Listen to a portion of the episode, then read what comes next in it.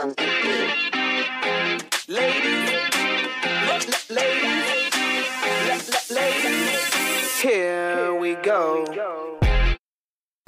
Hallo allemaal en welkom bij een nieuwe aflevering van The Healthy Chats. Ik vind het hartstikke leuk dat je weer podcast luistert en ik hoop dat je so far een hele fijne dag hebt gehad.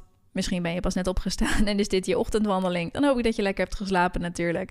En dat deze podcast eventjes een rustig moment is voor jou. En je kan helpen om op een andere manier met de rest van je dag om te gaan of je dag in te gaan. Bij mij kan podcast dat. Als ik podcast luister, dan kan mij dat echt inspireren voor een dag of zelfs meerdere dagen. En ook echt mijn kijk veranderen op hoe ik die dag dan inga. Dus ik hoop dat deze podcast dat voor jou ook onder andere gaat doen. En de podcast van vandaag die gaat over mindset en psychologie. Een van mijn persoonlijke lievelingsthema's. Waar ik zelf ook heel veel mee bezig ben. Ik ben een heel groot fan van zelfontwikkeling. En waarvan ik denk dat hij jou ook zou kunnen helpen. En dat is de reden dat ik hem ook met je wil delen vandaag. Terwijl we ouder worden, en dat is een van mijn favoriete onderdelen van ouder worden, is eigenlijk dat je beter wordt in het leven leven. Zo ervaar ik het tenminste. Ik heb nooit een probleem gehad met ouder worden. Ik vind ouder worden hartstikke leuk. En ik ervaar mezelf ook steeds als een volmaakter mens. En dan bedoel ik niet dat ik mezelf als mens moet verdienen of dat ik perfect wil zijn, maar dat ik in staat ben om dingen beter te doen dan dat ik ze daarvoor deed. En dat zijn van die hele banale dingen, maar toch geeft het mij een heel erg fijn gevoel dat ik iets beter kan handelen als dat ik dat bijvoorbeeld vijf jaar geleden deed of dat ik dat in het begin van mijn twenties deed of toen ik een tiener was. En ik heb voor vandaag twee dingen uitgekozen, twee life skills uitgekozen die ik de afgelopen jaren meer en meer ontwikkeld heb. En waarvan ik het gevoel heb dat zij mijn hele leven veranderd hebben doordat ik hier beter in geworden ben. Dus wat zijn deze skills waar ik het over heb? Skill nummer 1 is self-soothing. Dus eigenlijk het in staat zijn om jezelf gerust te stellen of te troosten. Waarom is dat zo belangrijk?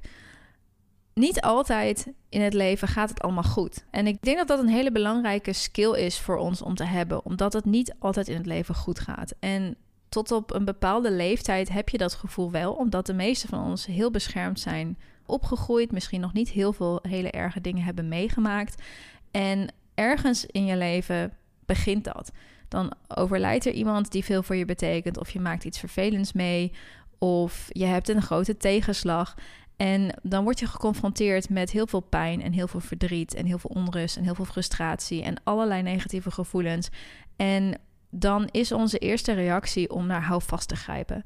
En dat zie je vaak terug in destructief gedrag, bijvoorbeeld obsessief sporten, obsessief met eten omgaan, drugsgebruik, depressie, juist die heel erg afsluiten van de wereld. In elk geval niet in staat zijn om die negatieve gevoelens op een gezonde manier te verwerken. Je ziet ook mensen die vluchten in relaties, die juist weer helemaal niet proberen om te gaan uh, met wat ze meemaken. En dat zijn hele destructieve manieren om hiermee om te gaan, omdat we niet beter weten hoe we daar op een andere manier mee om kunnen gaan. Negatieve gevoelens die moeten een plek krijgen, die moeten verwerkt worden, die moeten soms geuit worden. En omdat we dat niet kunnen of geleerd hebben, resulteert dat vaak in een van die andere destructieve gedragingen.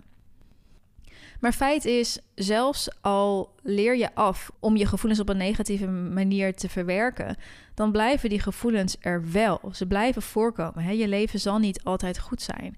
En je moet dus ook een manier vinden om daar anders mee om te gaan. En om te leren hoe je eigenlijk op een gezonde manier jezelf troost en geruststelt en daarmee helpt. Nou, wat houdt dat in? Self-soothing op een gezonde manier.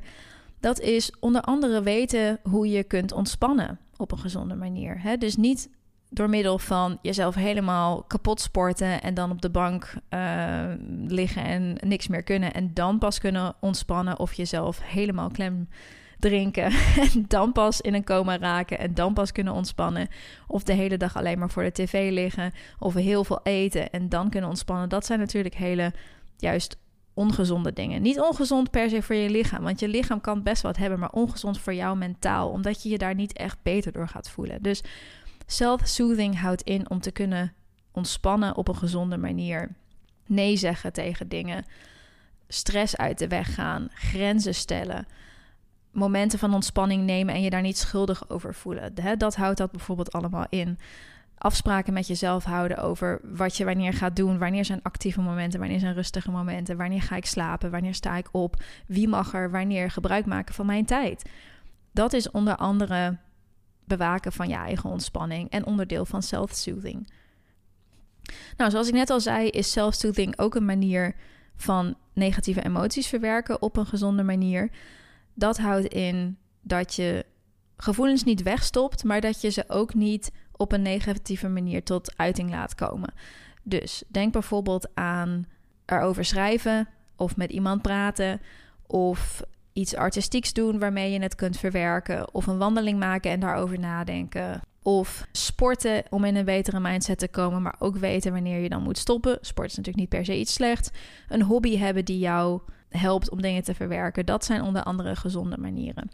Self-soothing is denk ik ook weten wanneer je negatieve emoties wel moet parkeren. Want we kunnen gewoon ook niet altijd door het leven gaan en altijd maar onze emoties overal laten blijken. Dat kan op de werkvloer niet altijd, dat kan naar je kinderen toe niet altijd. Naar je partner toe wil je dat misschien ook niet altijd of kan dat niet altijd. Je moet ook in staat zijn om je emoties te kunnen parkeren. En dan is dat heel handig om te weten hoe je dat doet. En een van de dingen die mij daarbij helpt, is te beseffen dat ik twee dingen tegelijkertijd kan voelen. En dat hetgeen waar ik me op richt, dat maak ik groter. Meestal voelen we niet één ding tegelijkertijd, maar voelen we heel veel verschillende dingen. Maar kiezen we het grootste of het meest negatieve om ons op te richten. Dus als je hier aan wilt werken, dan zou ik je uit willen dagen om te zien dat je naast alleen maar één ding waar jij je op focust wat negatief is, ook nog andere dingen voelt en je daar proberen op te focussen. Misschien heb je een hele slechte dag, maar ben je bijvoorbeeld wel heel erg blij met je relatie en kan je je bijvoorbeeld daarop richten. Misschien heb je een vervelende situatie met je kinderen gehad, maar merk je wel dat je in je werk heel veel verder gekomen bent en haal je daar bijvoorbeeld heel veel voldoening uit. Dan probeer je erop te richten waar je iets aan hebt op dat moment en niet jezelf omlaag te laten trekken door een van die dingen die dan misschien niet goed gingen. Hoe groot ze ook zijn, er zijn altijd andere dingen waar je je ook aan vast kunt houden. En tot slot, wat is self-soothing nog meer? Self-soothing is ook weten wanneer je anderen om hulp moet vragen of kunt vragen. Ik zie om hulp vragen altijd als de ultieme manier om jezelf te helpen. Want eigenlijk gebruik je anderen. En ik bedoel dit niet in de zin van misbruik, maar uh, in de zin van vul aan. Je gebruikt anderen om jou te helpen, om jezelf te helpen. Anderen zijn op dat moment eventjes een tool om jou te helpen.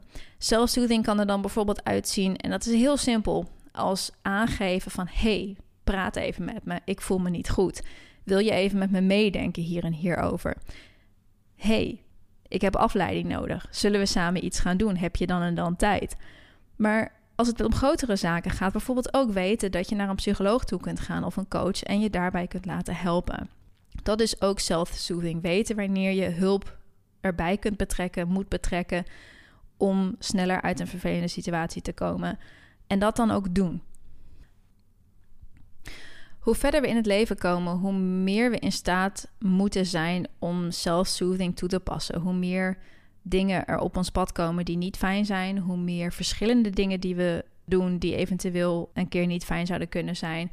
En hoe meer andere mensen om ons heen ook met hun eigen dingen bezig zijn. En niet altijd in staat zullen zijn om voor ons direct in te springen en houvast te bieden. Dus dat je dit zelf leert kunnen, is heel erg belangrijk, maar is absoluut een life skill waar je je hele leven iets aan gaat hebben. Oké, we komen bij mijn tweede life skill. En dat is het evalueren van je dag. Waarom zou je je dag evalueren? Ik doe dat omdat het mij helpt om te bepalen hoe ik mijn dag ervaar en hoe ik die dag gewerkt heb aan doelen die ik heb, waar ik tegen aangelopen ben en of ik daar eventueel iets aan wil veranderen. Als ik die dagevaluaties niet zou doen, en ik doe dat niet absoluut niet elke dag, maar als ik die evaluaties nooit zou doen, dan zou ik geen idee hebben van hoe mijn leven eigenlijk gaat. En dan zou ik het misschien opmerken op het moment dat iemand zou vragen: Hey, ben je eigenlijk gelukkig? Dan zou ik denken: uh, Ben ik gelukkig? I don't know. Let me think about that. Daarom denk ik dat het heel belangrijk is om vaker al stil te staan bij hoe je dagen eigenlijk gaan. En als je merkt dat je vaak dagen hebt waarop je denkt: hey, het gaat eigenlijk helemaal niet zo heel lekker.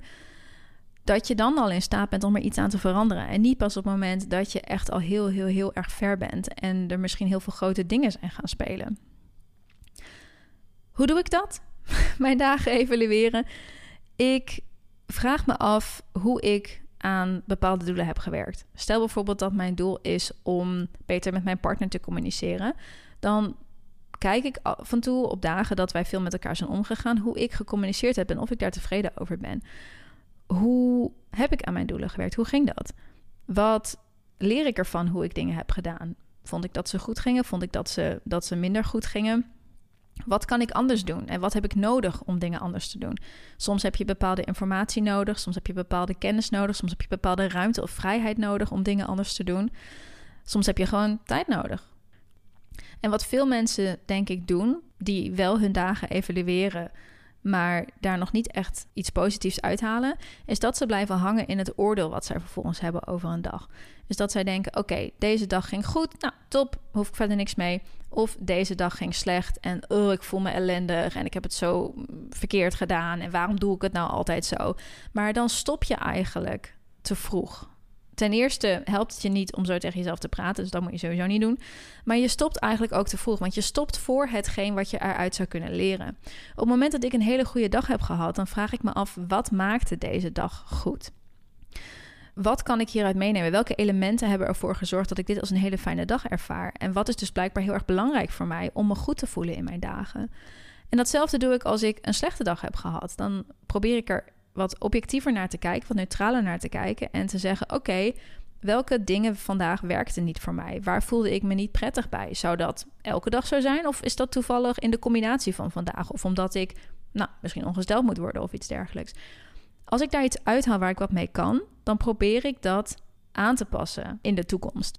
Het gaat eigenlijk altijd om het uitvinden van de factoren waar jij invloed op hebt en om die vervolgens aan te passen. Zoals ik al zei, hoef je niet elke dag je, je leven te evalueren. Wat je wel kunt doen, is het bijvoorbeeld voor een bepaalde tijd elke dag doen. Ik zou dan zeggen twee weken om eventjes een beetje erin te komen. En daarna zul je merken dat je het automatisch makkelijker doet. En dat je automatisch ook makkelijker hier iets van, uh, van elke dag iets opsteekt. En ook weer kan toepassen in de dagen die daarna komen. Ik ben ervan overtuigd dat wij voor een heel groot deel ons leven kunnen sturen. Absoluut niet volledig, want je kan nooit sturen wat je overkomt, maar je kan wel sturen hoe je hiermee omgaat.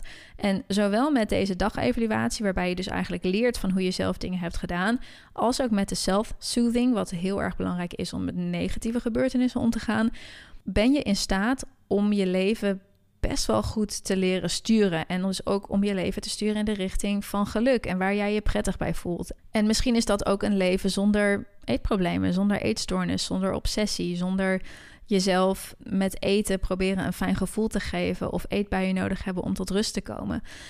Ik hoop dat deze twee life skills jou daar onder andere ook heel erg bij gaan helpen. En dat je hiermee een beetje inspiratie hebt gekregen en eventjes gehoord hebt van hoe zou je dat nou kunnen doen. Ik weet dat dit een beetje een filosofisch psychologische podcast is. Geen idee of iedereen die dit luistert hier wat mee kan. Dus als je het leuk vindt om daar wat over te laten weten, vind ik het heel erg leuk als je dat, uh, als je dat eventjes DM't. En dan vind ik het ook heel erg leuk om zoiets nog een keer op te nemen. Ik uh, praat hier graag over en als het jou helpt, dan um, anytime. Ik wil je heel erg bedanken vandaag voor het luisteren. Hoop dat je eventjes tot rust gekomen bent en weer een andere kijk hebt gekregen op waar je momenteel ook mee bezig bent. En dan um, tot de volgende podcast. Doei!